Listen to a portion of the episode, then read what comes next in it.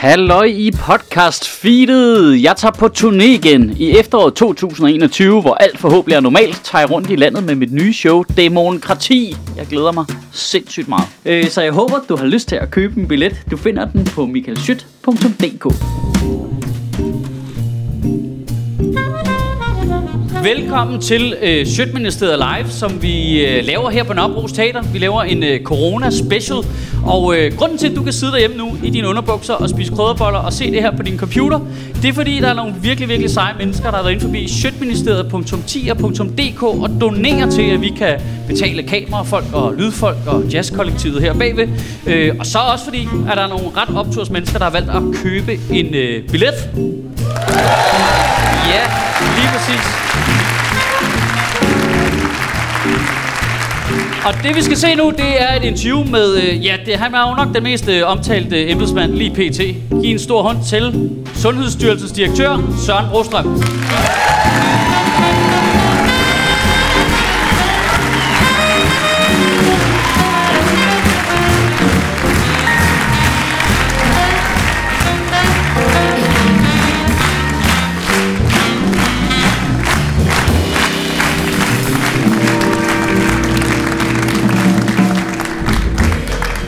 Er der altid så mange mennesker? Eller?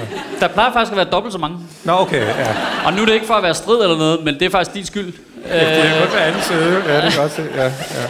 Altså, jeg, jeg tænker, at vi, altså, træningen var til gode teateret er til at overholde restriktionerne, så synes jeg godt, der kan være nogle flere. ja. Men det bliver streamet, eller hvad? Så kan man sidde derhjemme og se det. Øh, vi streamer det ikke live, men øh, vi tager optagelsen, og så lægger vi den ud, så alle kan se den. Helt gratis. Helt ganske gratis. Hvorfor har I så købt billet?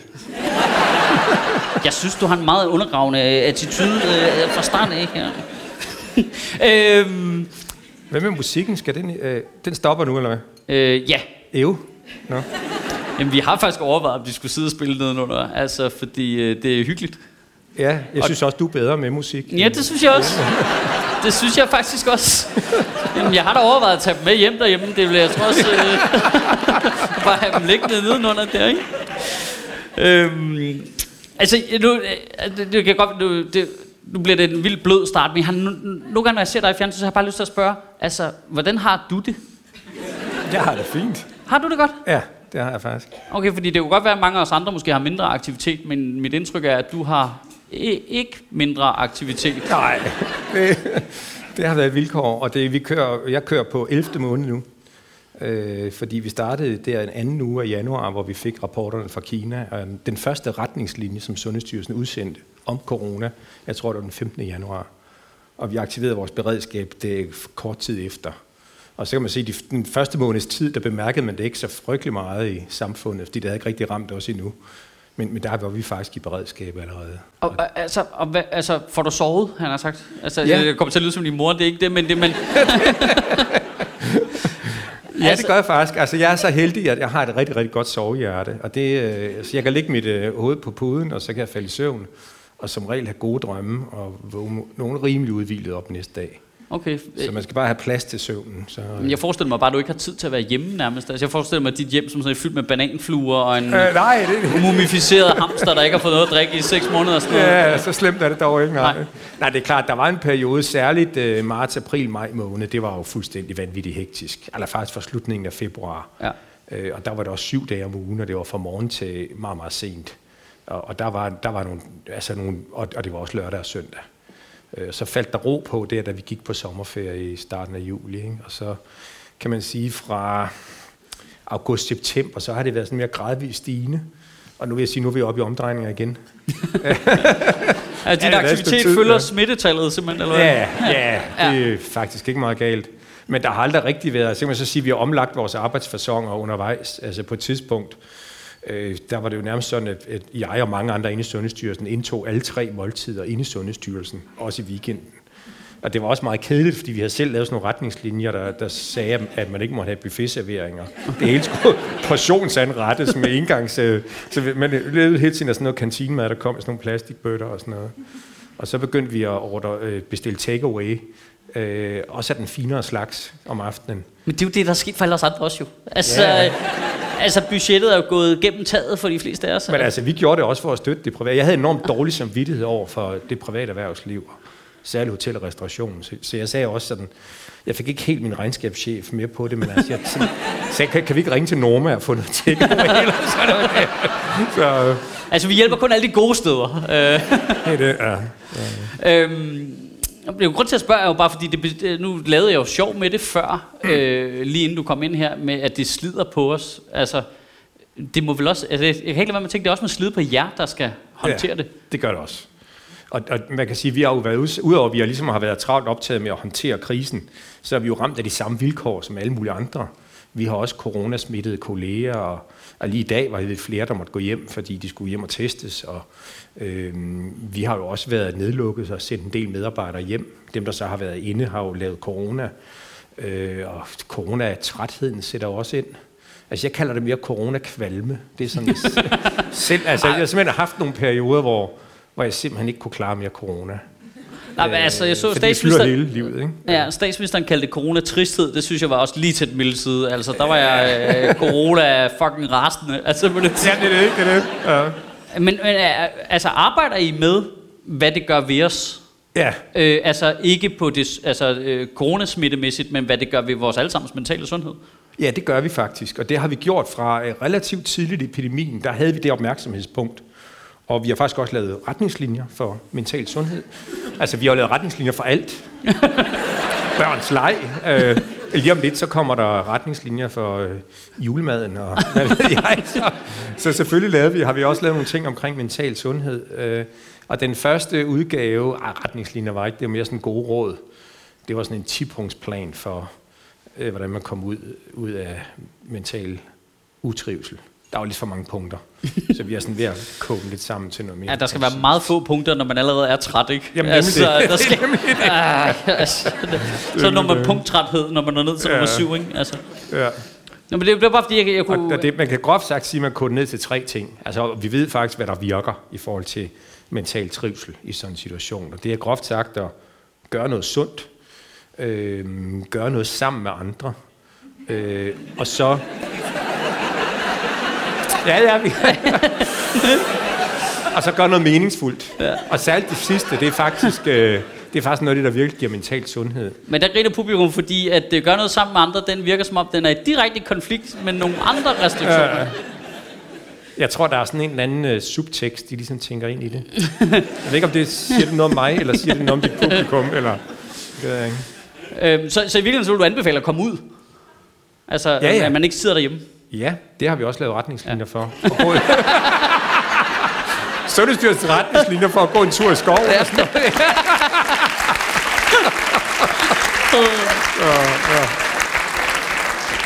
ja. Øhm, vil, vil du ikke prøve at hjælpe os? Fordi altså, øh, vi har tit haft stor glæde af her, når, når der kommer nogen, der øh, beskæftiger sig med noget sådan meget avanceret, og hjælper os med at forklare, hvordan I gør i praksis. Jeg har svært ved at skille, altså jer fra øh, Statens Serum Institut og mm. fra øh, Sundhedsministeriet. Yeah. Altså, hvad, hvad er det, hvilken del af det, du laver? Vi ser jo stå der sammen og så yeah. sige det samme. Øh.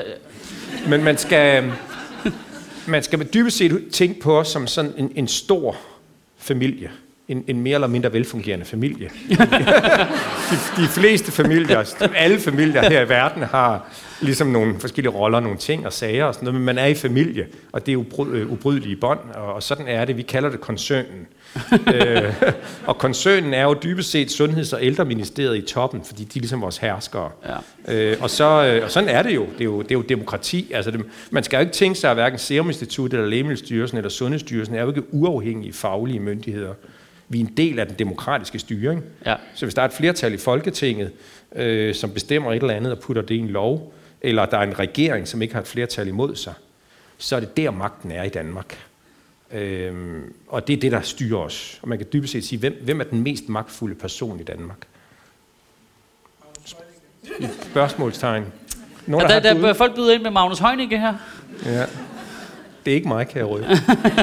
det er heller ikke dronning Margrethe. Nej, svaret er, at det er nummer 90, og det er i virkeligheden en forskellig person fra gang til gang.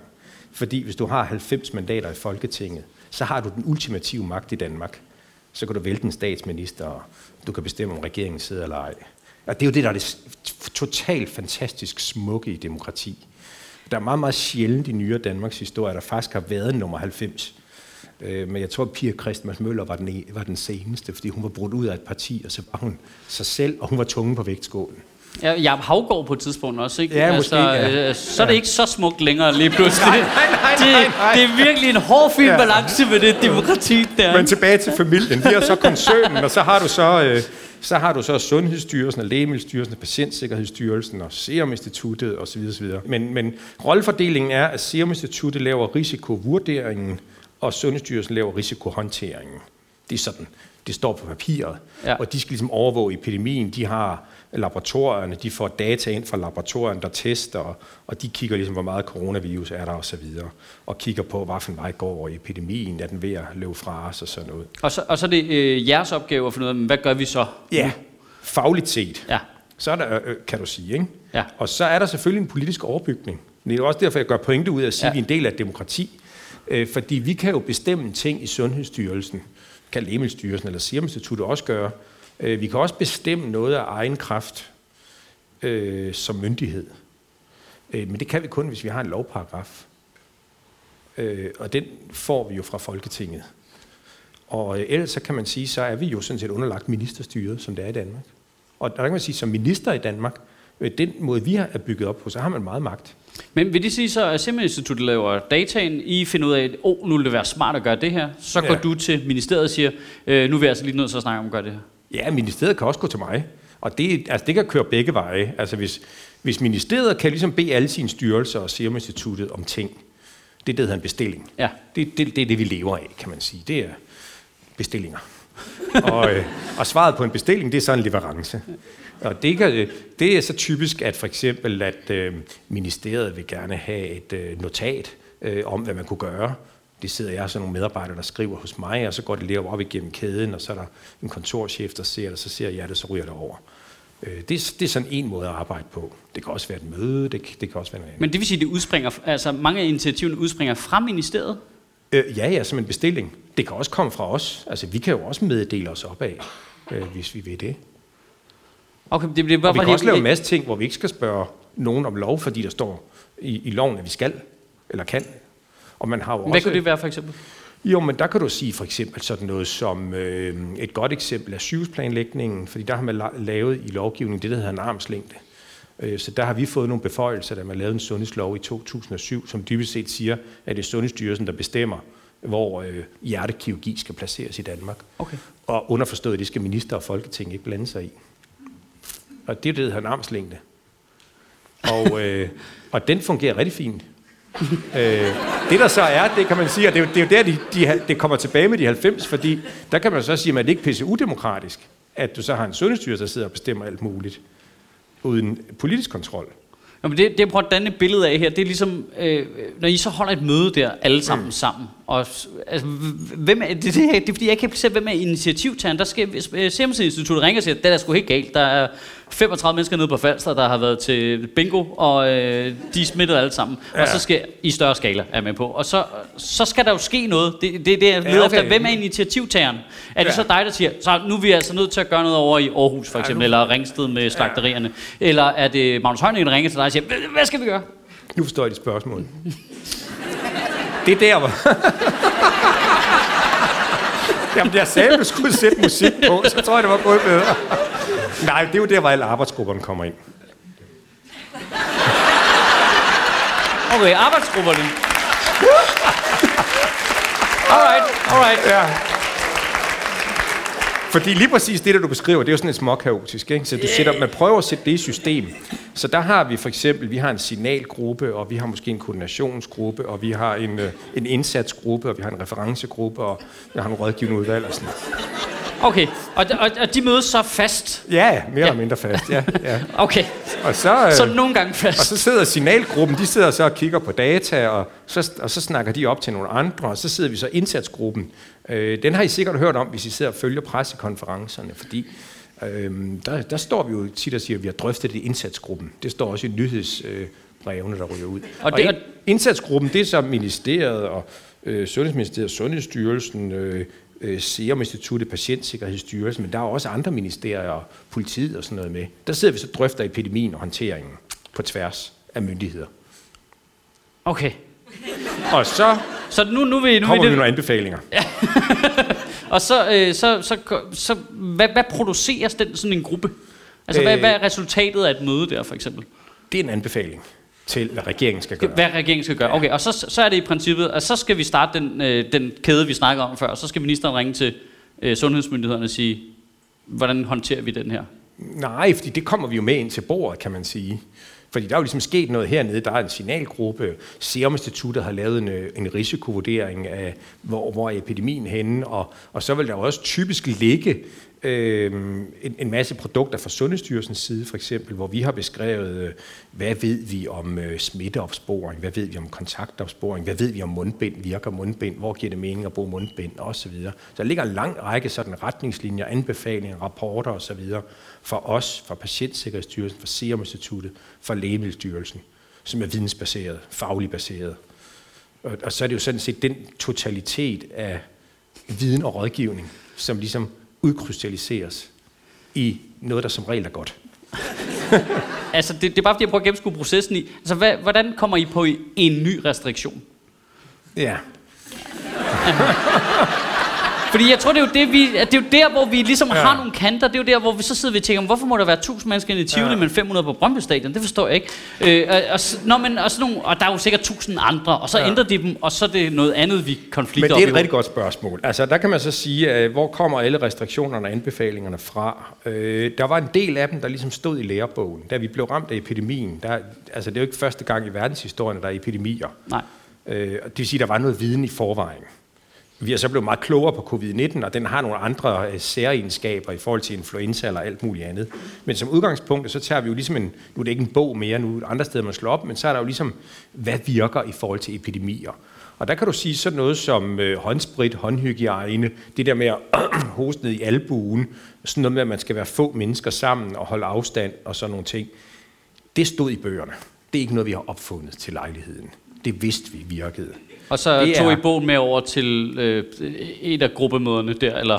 Ja, ja, og det, sagde, nå, det, det er bare for at sige, det er sådan en basal epidemihåndtering, og det havde vi faktisk også nogle planer for. Altså, da vi startede ud med det her, der havde vi jo en, en plan for håndtering af influenzapandemi. Vi havde en influenzapandemi i 2009, og efter det så reviderede vi vores masterplan for det, og den lå så klar. Øh, Den kunne ikke rigtig bruges til corona, øh, da det sådan ligesom kom ind i det, fordi det var en anden fisk, men vi havde ligesom et udgangspunkt. Og så lærer vi så noget nyt om den her sygdom, også i forhold til, hvad der særligt virker og ikke virker. Og der kan man sige, at det, der er det helt særlige ved covid-19, i modsætning til for eksempel influenza og andre ting, det er det der med, at man har øh, så stor en del, som har lette symptomer eller slængesymptomer, men går rundt og er meget store smittespredere. Og det er jo i virkeligheden øh, voksne mennesker, øh, fra 15 til øh, 50, vil jeg sige, som er virkelig dem, der driver epidemien. I modsætning til influenzaen, hvor det er børn og sådan noget. Øh, og det er derfor afstand, særligt afstand, er sådan en fantastisk øh, øh, magisk kugle i forhold til covid-19. Øh, og, og så den anden ting, som også ikke nødvendigvis er helt særlig med covid-19, men i hvert fald kendetegner den, og det er de her superspredningsbegivenheder, hvor at øh, man kan sige, at influenzaen er, er betydeligt mere demokratisk. Det er sådan, sådan meget bredt øh, rammer folk, ikke? Hvor covid-19 er mere sådan øh, øh uretfærdig, fordi den rammer, øh, der kan en enkelt event, en enkelt smittespreder, kan i virkeligheden sætte gang i en større epidemi. Øh, og så er det i virkeligheden de, de promiskøse, som, som driver, ikke, ikke seksuel fasong, men i biologisk fasong, eller, øh, øh, som, som, som driver epidemien. Ikke? det er de socialt aktive. I- Ja, som er tæt Det på er hinanden. ekstroverte mennesker. Jeg har altid haft et problem med dem. Ikke? Og det er jo så det, der man kan sige er blevet det, det nye sort i forhold til epidemikontrol. Det der med at holde afstand, være få mennesker og sådan noget. Det er der, vi får rigtig meget effekt. Og så er mundbindene kommet ind. Det, kan man sige, det stod ikke i lærebogen. Øh, og det var jo det, vi stod og sagde i foråret. Det sagde jeg selv. Vi tror ikke på mundbind. Vi er ikke overbevist om mundbind. Det er noget, der de er opfundet i Kina, og vi tror ikke på det, og vi kan ikke se dokumentationen. Det stod vi og sagde i foråret. Det stod ikke i vores lærebøger. Det stod i de kinesiske lærebøger. Der blev vi klogere. Hvordan er I blevet klogere på det? Simpelthen fordi, vi blev overbevist af dokumentationen.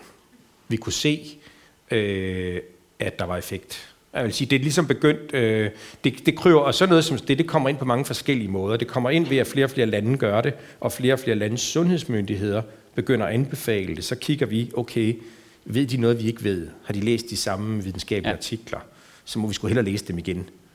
Øh, hvis WHO og andre sådan internationale myndigheder begynder at skifte holdning, hvad WHO også gjorde, så går vi ned i det igen.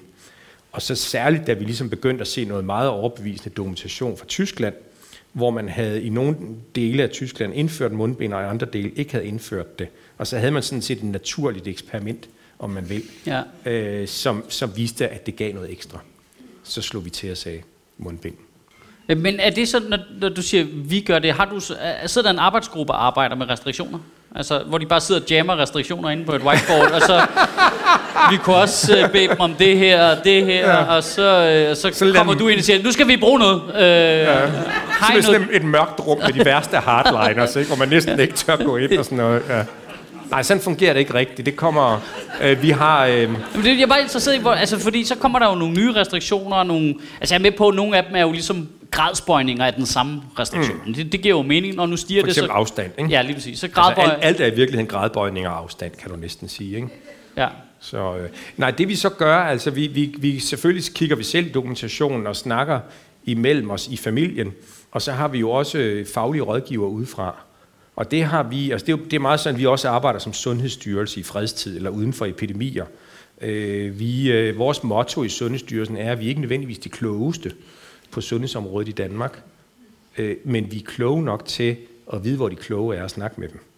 Og det kræver sådan et vist niveau af faglighed, men ikke nødvendigvis. Man skal ikke bilde sig ind, at man ved alt om alt. Og derfor er vi ret gode, vil jeg påstå. Har du googlet noget nogensinde? Åh, oh, jo, øh, konstant, ja. Hvad fanden er det, de snakker om? Men jeg vil sige, vi er, vi, er, vi er ret gode til sådan at inddrage faglige øh, fagfolk i Danmark inden for forskellige, mange forskellige øh, fag, ikke kun de sundhedsfaglige ting, som så rådgiver os ind i arbejdsgrupper. Og, og jeg har også haft sådan et advisory board øh, af, af eksperter inden for mange forskellige fagligheder, også adfærdsforskere og økonomer og sådan noget, som så har rådgivet mig øh, undervejs i epidemien. Og vi har haft sådan en fast, fast arbejdsgruppe, der mødtes om tirsdagen, som rådgav os om, om alt sådan noget med retningslinjer, test og så videre. Og, og øh, øh, så sent som i dag havde jeg indkaldt nogle førende etikere i Danmark til at, øh, at rådføre mig med omkring øh, etiske overvejelser i forbindelse med, med, hvem der skal vaccineres først. Så det er, ligesom, det er ligesom den måde, vi arbejder på, i en erkendelse af, at vi ikke er de klogeste. Og der skal vi så gøre det på den måde, øh, hvad jeg altid prøver at være meget hyggelig med, ikke at kubbe sådan nogle eksterne fagfolk til, at, at, at de skal tage skraldet for anbefalingerne. Det skal jeg nok gøre øh, i sidste ende. Altså, Ja, for der er jo en far for, at man får nogen ind med, altså at det er sådan et confirmation bias, at du går ud og henter en, der bekræfter det, I har gang i. Ja, det, kan du, det, det er ikke det. Altså, det vil sige, så vil jeg bare have forskellige perspektiver ind, og så, så er det jo min forbandede opgave at stå fagligt på mål for den rådgivning, man så giver til en regering. Det synes jeg ikke, jeg skal belaste dem med. Det er mit job. Nu har jeg selv været der. Altså, det er jo min baggrund, både som læge og som forsker. Og den verden er jeg så trådt ud af for at blive djøffer. og, og så, men jeg kender verdenen. Øh, og, og der er altså ligesom en bro, man krydser. Og så er det så mit ansvar, det er det, jeg får min løn for, det er så at stå på mål for de anbefalinger. Så jeg har aldrig nogensinde, omkring mundbind for eksempel, som der virkelig også har været kritik af, der har jeg aldrig nogensinde sendt aben videre. Jeg har altid stået for at forsvare de anbefalinger, som vi har givet, og de krav, vi har indført. Øhm, jeg synes i virkeligheden, at øh, når man ser på, I håndterer den her øh, epidemi, nu, nu er det jo helt, eller pandemi, nu er det jo helt tydeligt med mundbindene, at der kommer I med en meget tydelig restriktion, eller øh, holdning i starten, mm. og så ændrer I den. Ja. Øh, og så skal, øh, altså skal du i princippet ud og slås ret meget op ad bakke et stykke tid der, ikke? Mm. Øhm, og det er jo fordi, din troværdighed så på en eller anden måde bliver udfordret af, at du skifter mening. Ja, det, det, det, den risiko er der, ja. Ja. Og den har der også været helt klart med mundbind. Og det er vel et helt generelt problem, at hvis ikke I har tårnhøj troværdighed, Ja. så tror vi ikke nødvendigt... Altså, altså der må, man må næsten kunne måle på, i hvilken grad folk følger anbefalingerne, ud fra hvor meget de stoler på det, du siger. Præcist, og det er sådan, det er. Øh. Og vi har også målt på det under hele epidemien. Kigger du så nogle gange over i det politiske lag og tænker, fucking idiots, mand. Hvad fanden er det, de laver derovre, altså? Gør du det? Øh, Fordi, jamen, altså, jeg vil meget ja- gerne, jeg vil ja- meget gerne svare, faktisk. Ja. Ja. Svar, svaret er ja. Men øh, jeg vil bare bruge nogle andre ord end dig. Ja. Men, øh, Men det altså, fordi en ting er, I skal slås med jeres egen troværdighed, som er, kan være svært nok i virkeligheden. Ikke? Men så er der også det der udefrakommende element, at Ja. I, I, I står på hold der sammen, og de fungerer yes. lidt anderledes, end I myndigheder gør. Men, men, det du, blødt, men det, er, det er spot on, og det er, det er en meget, meget konkret øh, bekymring, som jeg har haft her på det seneste. Øh, og øh, det har selvfølgelig noget at gøre med mink. Altså, vi vil lige så Ja, godt ja, ja. Øh, sige ordet. Ja. øhm, og, og der kan man sige, at, øh, at vi lever som sundhedsfaglig myndighed. Der kan man sige, der har jeg min beføjelse, min magt, om man vil, i, i loven og, og de ting, som jeg lidt djøfagtigt fortalte om før. Men, men den kan jeg ikke bruge til frygtelig meget, hvis folk ikke har tillid til mig og respekterer mig som myndighed. Det er det, der er forskellen mellem magt og autoritet. Forskellen mellem magt og autoritet, det er, at autoriteten skal legitimeres. Det skal magten ikke nødvendigvis. Du kan godt have magt, uden at den er legitim, men ja. du kan ikke have autoritet, uden at den er legitim. Og det betyder, at som sundhedsfaglig myndighed, som... Oh ja. Ja, det betyder dybest set, at man skal konstant, selvom, vi, selvom jeg øh, ligesom trådte ind i en, en gammel organisation med en masse af historik, og øh, Sundhedsstyrelsen har et brand, så, så er vores omdømme øh, og tillid i befolkningen ikke nødvendigvis givet. Øh, da jeg trådte til som direktør i Sundhedsstyrelsen i 2015, der var vores omdømme faktisk skrevet nedad af mange forskellige grunde. Og det var min primære opgave at få det reetableret. Og det har været et lange seje træk. Hvad, hvad har der været sket inden der? Det kan jeg slet ikke... Jamen, øh, der var forskellige møgssager. Øh, der er jo altid møgssager. Ja, ja, ja. Altså den hjerneskadede psykiater, som øh, Sundhedsstyrelsen ikke havde gjort noget ved, og der var øh, den her sag ved børnevaccinationsprogrammet, hvor man også havde mistet tilliden til, øh, hvad vi stod og sagde i Sundhedsstyrelsen øh, og sådan noget. Så, øh, så det, det, det, der, er jo, det, er jo, altså, det er jo gift inde i sådan en. Totalt. Ja. Fuldstændig totalt. Fordi at hvis du ikke har den som sundhedsstyrelse, og særligt kan du sige, hvis vi ikke havde haft en masse pluspoint på kontoen i forhold til legitimitet og autoritet, da vi gik ind i sådan en krise som det her, så havde det været rigtig, rigtig svært at gøre det, som vi har gjort i forhold til, for eksempel, at jeg har stået og været posterboy for brug af mundbind, som har været et meget bevidst strategisk valg, ja. at jeg gjorde det, øh, og, og det så faktisk har virket. Og der har vi jo undervejs i den her krise haft en øh, betydelig højere tillid til myndighederne end mange, end mange af vores nabolande. Vi har en høj baseline, og det, der så også er meget positivt, det er, at vi har faktisk, viser de seneste data, bevaret den høje tillid til sundhedsmyndighederne, på trods af den politiske konflikt, hvor tilliden til det politiske niveau er skredet på det seneste. Så, så for, men der kan godt være sådan en spillover, men det er der noget, der tyder på, at der måske ikke er så meget. Men det er noget, der bekymrer mig. ja, fordi det, det, når man Og, ikke, og det er overhovedet ikke af forfængelighed, fordi at det, det er ikke et spørgsmål om, at, man, at det er vigtigt for mig, at man kan lide Sundhedsstyrelsen eller lide mig. Det er et spørgsmål om, at man har den der grundtillid til, at vi har den autoritet til at gøre det, vi skal. Og så kommer det måske det næste spørgsmål, som jeg gætter på, at folk er nærmest er mødt op for at høre.